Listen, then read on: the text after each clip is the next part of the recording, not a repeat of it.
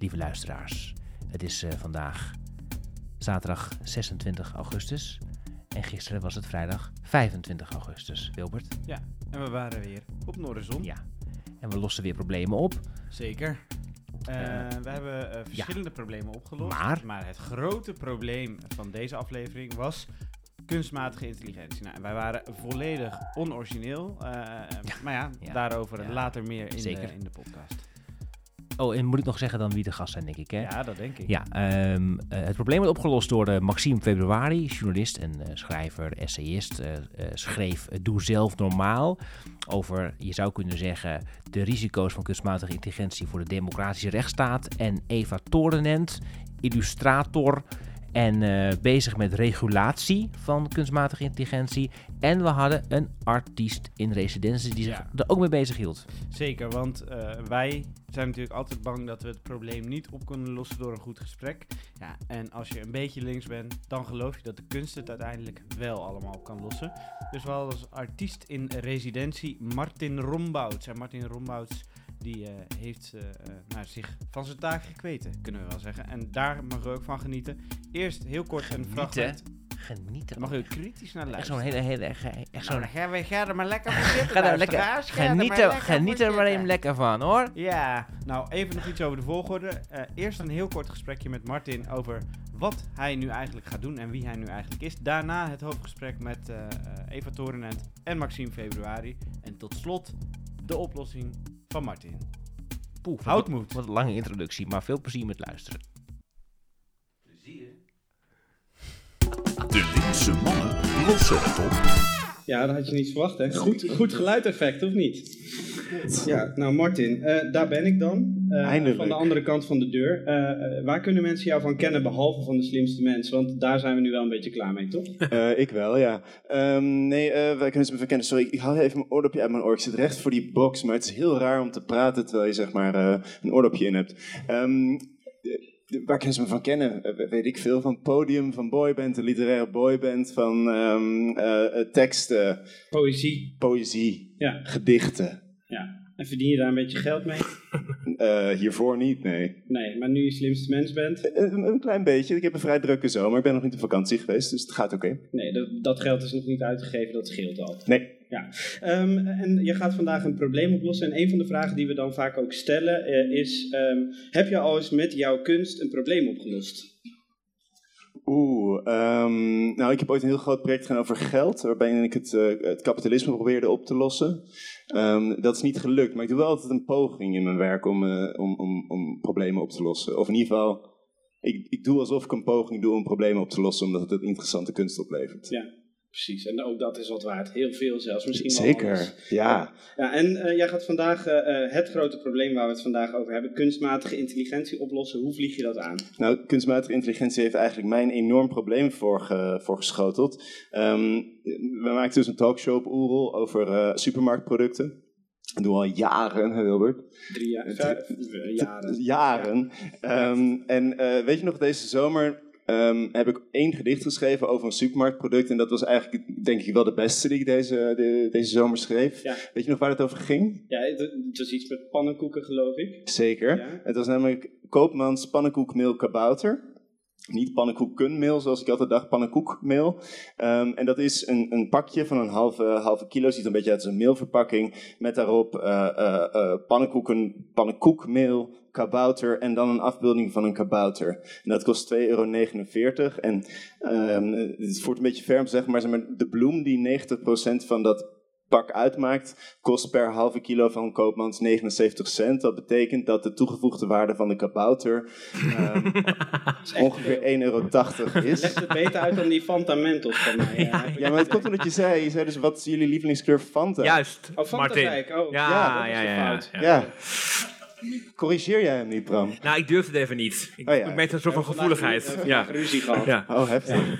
Ehm, maar de, de- de, eh, die, die kabouter die fascineerde mij zo erg. Dus ik dacht, oké, ik ga met AI ga ik iets maken van die kabouter. Want die kabouter, dat is een hele waardevolle kabouter. Mensen zijn bereid heel veel geld te betalen omdat er een kabouter op een pakje staat. Dus ik heb gedichten erover geschreven. Ik heb het gedicht naar AI gevoerd. Ik heb gezegd, ik moet naar de linkse mannen. Ehm, eh, ik ben gefascineerd door die kabouter. Ik wil dat jij ook gefascineerd bent door die kabouter. Geef me een tekst over die kabouter. Alleen wat de AI heeft gedaan, is vervolgens met iets van eh 20 pagina's een fansite voor deze kabouter eh, gestuurd. En dit is een groot probleem met AI, dat hij eigenlijk altijd veel te veel geeft, waarvan lang niet alles goed is. Dus in deze 40 minuten die deze talkshow duurt, is mijn grote doel om alles weg te krassen wat ik straks niet nodig heb voor de voordracht van 10, 7, Maximaal. tien Maximaal minuten. zeven Ja, zoiets. minuten, geloof Ja. ik, dat mij verteld is. Zeker, Dus eh, ja. ik, ik ga flink krassen, dat is Ja. wat ik ga doen. Nou, en dat is wat schrijvers vaak misschien wat te weinig doen. Hè. Schrijven is grappig. Geef Martin een groot applaus. De losse mannen lossen het op. Ja, vanavond duiken we diep in de wereld van kunstmatige intelligentie en de bijbehorende vraagstukken met twee prominente stemmen. Maxime Februari en Eva Torenent. In een tijd waarin KI een revolutie teweeg brengt, reizen er dringende ethische, sociale en politieke vragen. Hoe beschermen we mensenrechten en voorkomen we versterking van ongelijkheid? Wilbert. Ja, Maxime Februari, filosoof en schrijver en Eva Torenent, expert in digitale ethiek, bieden vanuit een linkse invalshoek inzichten over de uitdagingen.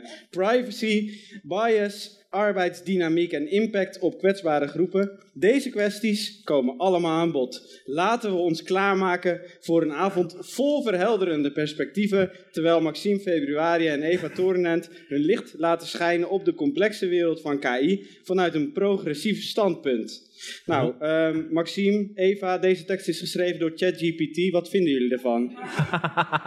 Dat had ik al verwacht. Je had het al verwacht. Waar zat het hem in, Eva? In KI, ja. KI? Heb ik nog nooit gehoord. Nee, nou, dat is, dat is dan een noviteit en dat is iets nieuws hier in de show. Ehm, eh, Maxime, heb jij dezelfde mening? Je had het wel, verwacht, je zag het al aankomen. Of Eh, eh, iedere presentator doet dit tegenwoordig. Ja, dat had ik ook al gedacht. Ja, waren we ja. niet, waren we niet, weer Ja. niet eh, De origineel? vorige keer dat ik ergens kwam, zei, ik- zei ChatGPT over mij, wees maar blij dat hij gekomen is, want hij komt niet zo gauw. Oh, echt? Is dat zo? En is dat ook waar?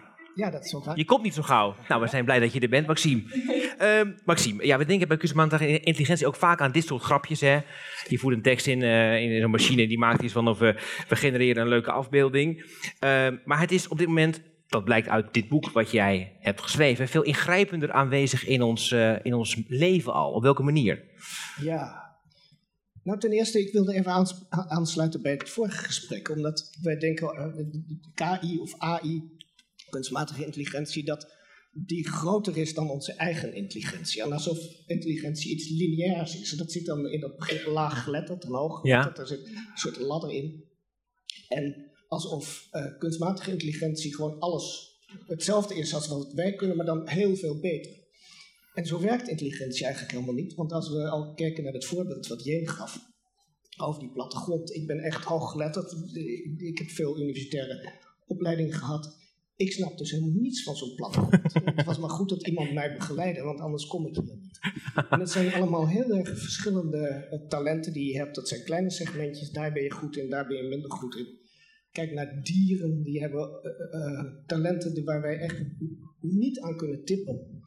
Dus ehm, terwijl dieren weer veel slechter dan wij een boek lezen of een tekst schrijven. En dat geldt voor kunstmatige intelligentie ook. Het is heel onhandig dat het zo heet. Het kan heel veel dingen niet die wij wel kunnen. Ja, We zijn geneigd dat te vergeten.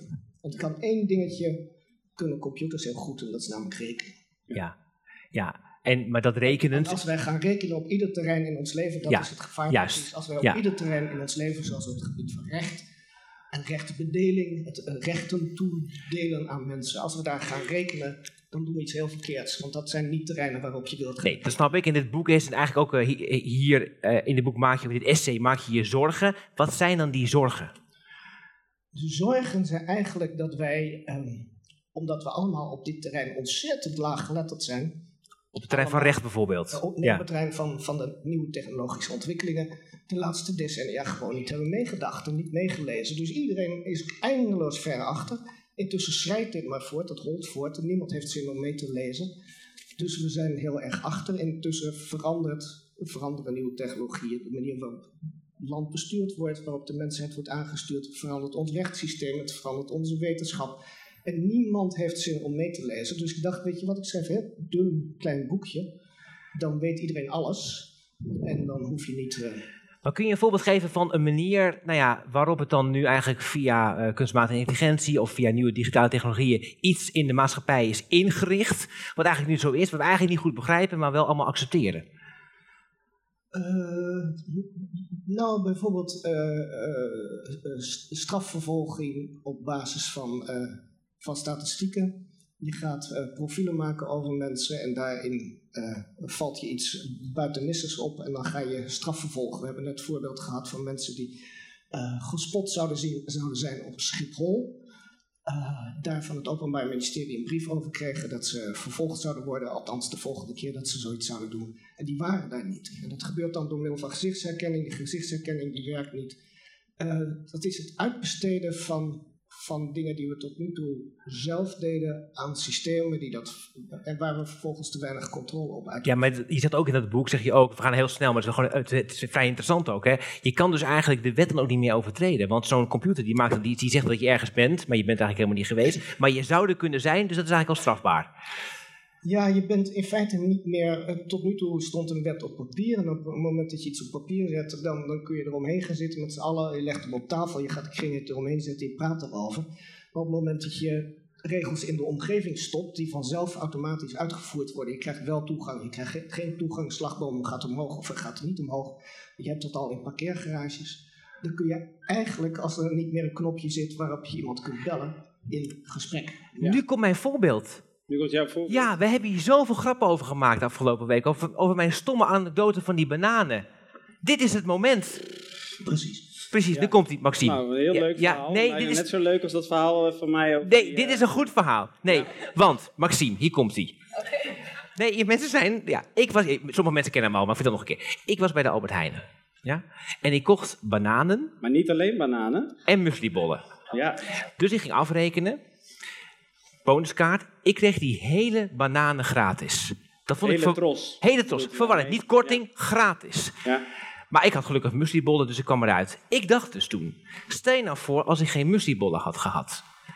Dan had ik dus niks hoeven afrekenen. Had ik dan een bonnetje gehad, was ik dan nog steeds nu in de Albert Heijn geweest. Ja.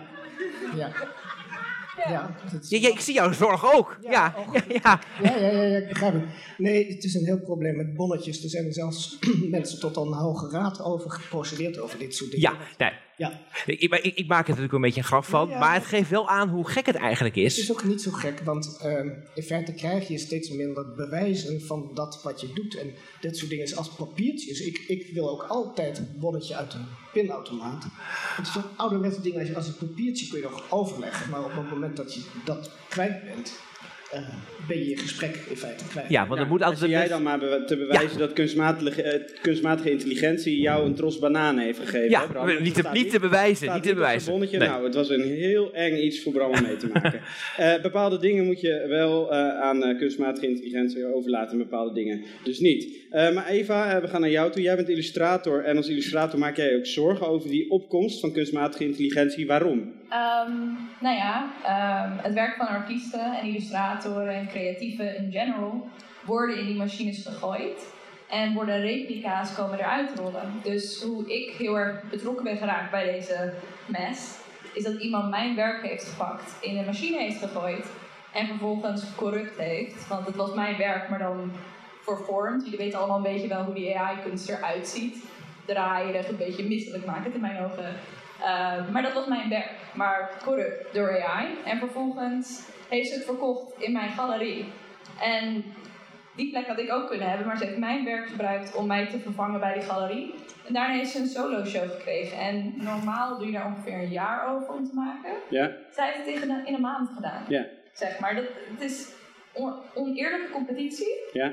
En ja, artiesten tegen artiesten. Wij worden vervangen met ons eigen werk. Want En- zonder ons werk zouden ze niets kunnen produceren. Ja. Ja, en dus al dat werk wordt daarin gestopt. Hoe werkt dat? Wie, wie, wie is dat aan het uploaden? Uh, nou, er zijn een paar grote bedrijven. Stability AI is een hele grote en Midjourney. Uh, zij hebben eigenlijk alle informatie van het internet opgeslokt. Grote websites zoals DeviantArt en ArtStation, waar heel veel kunst op staat, heeft het opgeslokt. En uh, nou ja, hebben ze ons werk gebruikt om dan een product te maken en die verkopen ze. En ze maken ontzettend veel geld met ons werk en wij krijgen geen rode cent. Nee. En het erge is dat ze niet alleen zeg maar random images maken, maar ze zeggen ook, je moet in de stijl van deze artiest genereren. Ja. Dus ook één artiest die ik ken, die is recent overleden, Bilal Sinki, ik weet zijn naam even niet meer. Hele beroemde eh, artiest. En er werden dingen gegenereerd in zijn stijl. En daarna, de persoon die dat had gedaan, die zei, het is mijn werk. En Ja. verkocht zijn werk. Ja. Maar Ja. zonder zijn werk had dat nooit gekund. Nee, dus er zijn een hoop kunstenaars die daar eh, last van, van hebben. En eh, eh, toen dacht jij samen met een hele hoop anderen, we gaan dan een soort van taskforce oprichten, EGAR. Eh, Wat, Ja. wat is dat en, en eh, op welke manier heeft dat zin? Ja, dus eh EGAR is de European Guild of Artificial Intelligence Regulation. En een jaar geleden zagen wij al op de bui hangen. eh, van dit gaat heel erg mis. Mooi. Die- De bui hangen. Prachtig. Ja, ja, ja. dat mooi. Ja, ja, mooi. Ja. Ehm, maar we zagen al, dit gaat mis. En we zagen ook al dat eh, collega's van ons ontslagen werden bij bedrijven. Hele eh art teams werden ontslagen bij eh, kunststudio's. En we dachten, dit gaat niet goed. Dus toen hebben we een taskforce opgericht met grote artiesten. Jean-Baptiste uit Frankrijk, een hele goede artiest. Greg Muscovici, we hebben allemaal met 30 personen in een meeting gezeten. De Franse mensen hadden allemaal een sigaret in de hand. Dat was heel leuk. Typisch Fransen. Ja, het was Ja. zo goed. maar we hebben allemaal gezeten en zeiden, oké, we moeten iets gaan doen. En toen hebben we EGAR opgericht. Dus eh, dat is een organisatie die met het Europese parlement praat, met eh, de pers, de politicus. En daardoor hebben we nu regels in de AI Act toegevoegd om ons te beschermen. Dus nu staat er iets over high eh, risk models en dat stond er eerst niet in. Nee. En toen we begonnen, zeiden ze tegen ons, er is niks wat je kan doen hiertegen. Ja. Geef maar gewoon op. En we hebben niet opgegeven. En we gaan nog steeds door. En ze gaan niet winnen, deze Ja. bedrijven. Dus jullie hebben nu al iets bereikt. Wat zijn de volgende stappen die jullie willen zetten? Ehm, de volgende stap die we willen zetten is dat eh, ons werk niet zonder onze toestemming gebruikt kan worden door AI-bedrijven. Mogen ze eigenlijk al niet, maar omdat het zo'n nieuwe technologie is, zijn de wetten nog niet aangepast. Nou, die wetten moeten we gaan aanpassen. Eh, we willen dat alles dat met AI gegenereerd is gelabeld wordt. En ehm, dat wij niet worden vervangen door ons eigen werk. Zeg maar wat je de stakingen ziet in Amerika, met de writers en met de acteurs. Wij zitten in dezelfde soort eh, situatie, alleen wij zijn geen union. Ondertussen lekt het in de zaal. Eh, gaat het goed daar? Je, bent al, je hebt echt een hele slechte dag heb jij eigenlijk. Je wordt eruit gepikt omdat je Friesin was, nu water op je... Ja, maar jij bent een Friesin, dus jij kan heel goed tegen water. Dus dat gaat nu naar jou toe. Dat zoek je op. persoon die geen Fries spreekt? Ja. Dus ze zit nu eh, onder een lekkend dak. Nou, eh, zoek het lekker uit. Niemand interesseert het ene reet. Ehm, Er gaat eh, iets doorgegeven worden, zie ik. Het gaat er gelijk al leuk uit. Wat me fascineert aan, aan Ja? jouw verhaal, hè. Het is toch al... Het, het is... het- ja, heel goed. Ja. Stel, Maar dat gaat dan Eh, wel op andere mensen. nou, nee, we dat komt- los goed. het zelf lekker op. Dit, mooi. Beautiful. Heel, Ehm, ehm, dat het ook lijkt of eh, kunstmatige intelligentie, ik gebruik die naam toch maar even, alsof het ons overkomt, Maxime. Maar we, hebben, we, doen het toch allemaal zelf?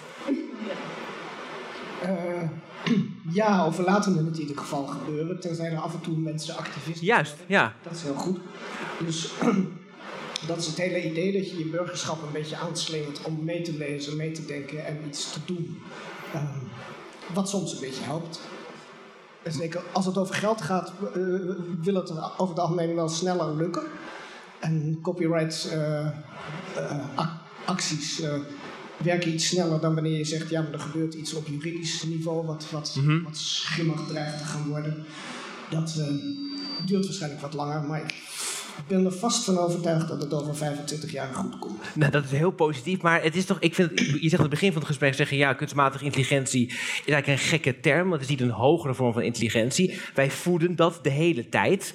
Als we dan toch willen dat dit niet gebeurt, dan kunnen we toch ook zeggen, we doen geen plaatjes meer in de machine. Ja, nou, deze bedrijven kunnen elke dag stoppen met deze onzin, maar dat doen ze niet. Maar dat is een geldmotor eigenlijk. Kapitalisme. Weer het kapitalisme, Maxime Februari. Nou ja, kijk, dat, dat is de hele gedachte over. We zijn bezig om de hele werkelijkheid over te zetten in data. De werkelijkheid bestaat en we maken daar afbeeldingen van. Ja? En daar verdienen kunstenaars ook al heel erg lang hun geld mee. Wetenschappers ook, journalisten. Je zet de werkelijkheid om in gegevens en daar verdien je je geld mee. Maar nu is er een manier gekomen door die digitalisering om digitale data te maken. Dus afbeeldingen van de hele wereld, werk van alles. En die heel snel te verkopen en te delen. Waar ontzettend veel geld in zit. Dus het maken van data, het analyseren van data, het opslaan van data in, in, in silo's en zo. Daar zit heel erg veel geld in. Allerlei dingen waar vroeger geen bedrijf tussen zat, ging je vroeger naar de huisarts, dan had je een gesprek met de huisarts. Nu zit de huisarts naar een computer te kijken waarin een bedrijf zit wat meekijkt met het gesprek. En En hoe... daar zit heel erg veel geld in, Ja. handel in. En dat maakt het een onderdeel van het kapitalisme. Eh, dat plotseling allerlei dingen die vroeger niet verhandelbaar waren, door de datatiseringen van wel verhandelbaar zijn. En dat lijkt me heel gevaarlijk voor die... hè, We hebben eerder deze week over de rechtsstaat gesproken. Voor die democratische rechtsstaat. Ja, want op het moment dat je gaat denken dat je op ieder gebied van het leven kunt gaan rekenen en dat je kunt dataficeren, vervolgens die data digitaal maakt en met elkaar gaat uithandelen en handel overdrijven, ben je heel veel eh, gesprekken over begrippen als rechtvaardigheid eh, snel kwijt. Waarom dan? Omdat er druk op komt te staan om, om bijvoorbeeld. ehm, nou, ik, ik, ik ben wel vaak de laatste tijd geweest in de bibliotheken en boekhandels. En achteraf komen ambtenaren naar mij toe en die zeggen: Ja, we zijn bij bedrijven op gesprek genood. Want die bedrijven zeggen: Wij hebben een ontzettend handig systeem voor je. Waarmee je, weet ik veel, bijstandsfraude kunt opsporen. Dan word je geacht als ambtenaar geen vragen te stellen. Dat, dit hoor ik van de ambtenaar. Ja. Die zegt, wij komen daar en er wordt van tevoren gezegd... je mag niks opschrijven, je mag geen notitieboekje meenemen... je mag geen vragen stellen en je mag het ook niet meenemen. Wat wil zeggen dat je in feite ehm, iets uit handen geeft aan bedrijven... die systemen maken waarmee ze straffenopsporing doen... wat je vroeger als overheid zelf deed. Ja. En dat is omdat er geld aan verdiend kan worden... maar eigenlijk is het een publieke taak... dus die moet je weer naar jezelf terughalen. Ja. Ja. ja. Dus eigenlijk zorgt dit er dus voor... eh, dan gaan we naar de oplossing toe, denk ik, Wilbert. eh, dat eh, eh, je ook heel, zo, je, je draagt heel veel van de overheid weer over aan bedrijven. Dingen waar we eigenlijk zelf over zouden moeten beslissen. Ja, er zijn journalisten die gaan naar, over, naar gemeentes toe en die zeggen, leg eens precies uit hoe dat systeem werkt. En dan zegt de gemeenteambtenaar, ja dat weet ik niet, dan moet je bij het bedrijf zijn. Ja, het is ongeval. Ja, Ja. ja. Dus dat is het, het overdragen van voortdurend meer publieke taken aan, aan bedrijven, omdat die geïnteresseerd zijn, omdat het een verdienmodel is, waarvan je kunt zeggen, ja misschien moeten we daar nog eens over nadenken en het er met elkaar over hebben. Ik kan dat niet voor jullie beslissen, maar je, je- je zou dat zelf kunnen bedenken. Misschien moeten we daar toch weer een, een andere verhouding tussen, tussen de pri- private en de publieke sector Ja. inrichten. Ja, en daar eerst eens een keer over nadenken. eh, want, want het lijkt dan wel alsof ze niet weten waar ze mee bezig zijn. Nou, twee personen die dat misschien ook niet weten, waren wij. Toen we eh, op volledig onoriginele manier dachten wij laten onze intro her- herschrijven. Ehm, eh, we gaan een beetje naar de oplossingen toe. Is, is het een slecht idee dat wij dit hebben gedaan? En is Martin ook in de fout aan het gaan hier achter de deur? Eh, nee, ik vind het heel goed dat jullie dit hebben gedaan. Want in Nederland merk ik dat het gesprek heel vaak blijft hangen van kijk hoe leuk het is. Ja? En het feit dat jullie ons hebben uitgenodigd laat zien van laten we ook de andere kant bespreken. En dat doen heel veel mensen niet. En het is ook gewoon belangrijk als publiek weet, gewoon normale mensen weten hoe gevaarlijk deze technologie is. Voor eigenlijk dat ons geld uit Nederland wordt verplaatst naar techbedrijven in Amerika. Als mensen ervan bewust zijn hoe onethisch het is, dan pas kunnen we wat aan gaan doen. Ja. Als mensen denken dat het, oh, dit is gewoon een leuk speeltje. En ik moet zeggen, het is ook leuk. Ik snap dat mensen ermee spelen. Hij ook. Het is leuk om mee te klooien, maar aan het einde van de dag is hij niet het probleem, maar de grote bedrijven die eh, werknemers ontslaan eh, en vervangen met AI, Ja. met hun eigen werk. Dus dan moeten we toch, dan is een van de oplossingen toch weer onze eigen intro schrijven eigenlijk. Ja, ik, ja, ik denk dat aan het einde van de dag, er klopt ook iets niet in die intro. Ik dacht van, hè? Wat? KI bedoel je? Ja. Ja, en een paar Ja. rare verhaspelingen. En wat kunnen, wat kunnen we meer doen? Wat kunnen, want deze mensen vinden misschien ook nog wel, ik weet niet, ik praat namens u eh, grappig af en toe. Eh, eh, wat, wat, wat moeten mensen doen om zich weerbaar tegen te maken? Ehm, ik denk inlezen, dat is ook belangrijk. Eh, een paar dingen die je concreet kan doen als je een artiest bent of beeldmaker. Eh, je kan je werk kloken tegen een AI en dat heet Glaze, dat programma. Eh, dan komt Als je wilt weten hoe je dat spelt, kom naar de show naar Eva Kom toe. naar de show naar Eva toe. Eh, en daarmee kan je een onzichtbaar filter eroverheen gooien, waardoor jouw stijl als beeldmaker, als eh, copyrighthouder geklookt wordt, dus niet kan worden gerepliceerd. Dus je kan je daarmee beschermen. En als je ons concreet wil helpen, EKR, eh, dus wij praten met het Europees Parlement, met eh, mensen die echt een verschil kunnen maken, please doneer eh, op onze GoFundMe, eh, zodat wij onze advocaten kunnen betalen. En Maxime, heb jij voor deze mensen, behalve lezen waarschijnlijk dit boek, hè, dat helpt natuurlijk enorm. Hè? Ja, ik zou ja. zeggen, spreek je volksvertegenwoordiger aan. Ja. Maak een plan. Dus ook het, Nederlandse, het nieuwe Nederlandse kabinet zo meteen maak een plan hoe je hiermee omgaat. Dat zou heel mooi zijn als Ja. het in de verkiezingen een Ja. punt zou worden. En dat wordt het alleen maar als iedereen eh, daarom vraagt. Goed, eh, dankjewel Maxime Februari en Eva Torenent. De artiest in residentie. Ja, Martin, durf je nog? Eh, ik heb 900 woorden. Ja, maar, maar eh, heb je ook gehoord net, je had natuurlijk een oordop in, maar alsnog staat zo'n box naast je. Ja. En wat vond je ervan om, om te horen dat dit misschien niet de beste manier is om het te doen? Om je met AI op deze manier als een lolletje bezig te houden, hoewel dit natuurlijk kunst is.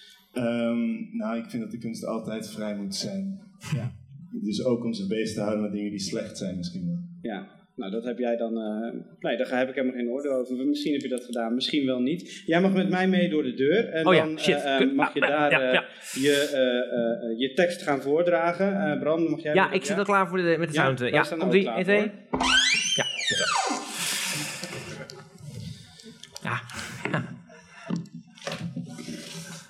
ik zou jou eh, helpen met een beetje bijlichten. Hè? Is dat handig? Ja, Of gaat het wel goed zo? ik denk dat het wel gaat. Ik Nou, anders- anders laat je het horen, hè? Staan, want eh, ik heb het een beetje klein uitgeprint, want er is heel veel tekst.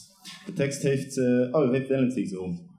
De legende van de kabouter op de verpakking van Koopmans pannenkoekmeel. De betoverende geschiedenis. De kabouter op de verpakking van Koopmans pannenkoekmeel. Kabouter is niet zomaar een figuur.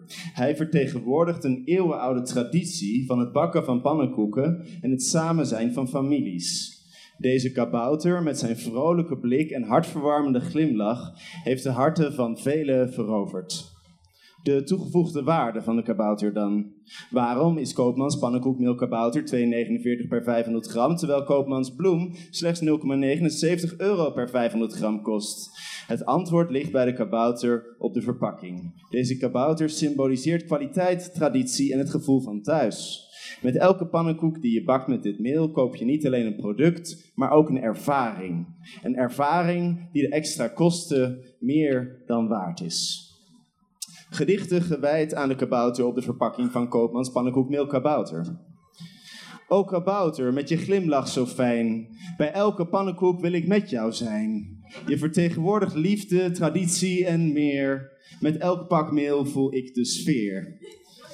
In het maanlicht, op een stille nacht, denk ik aan de kabouter met al zijn pracht. Zijn beeld op de verpakking, zo vrolijk en blij, maakt dat elke pannenkoek voelt als een feest voor mij.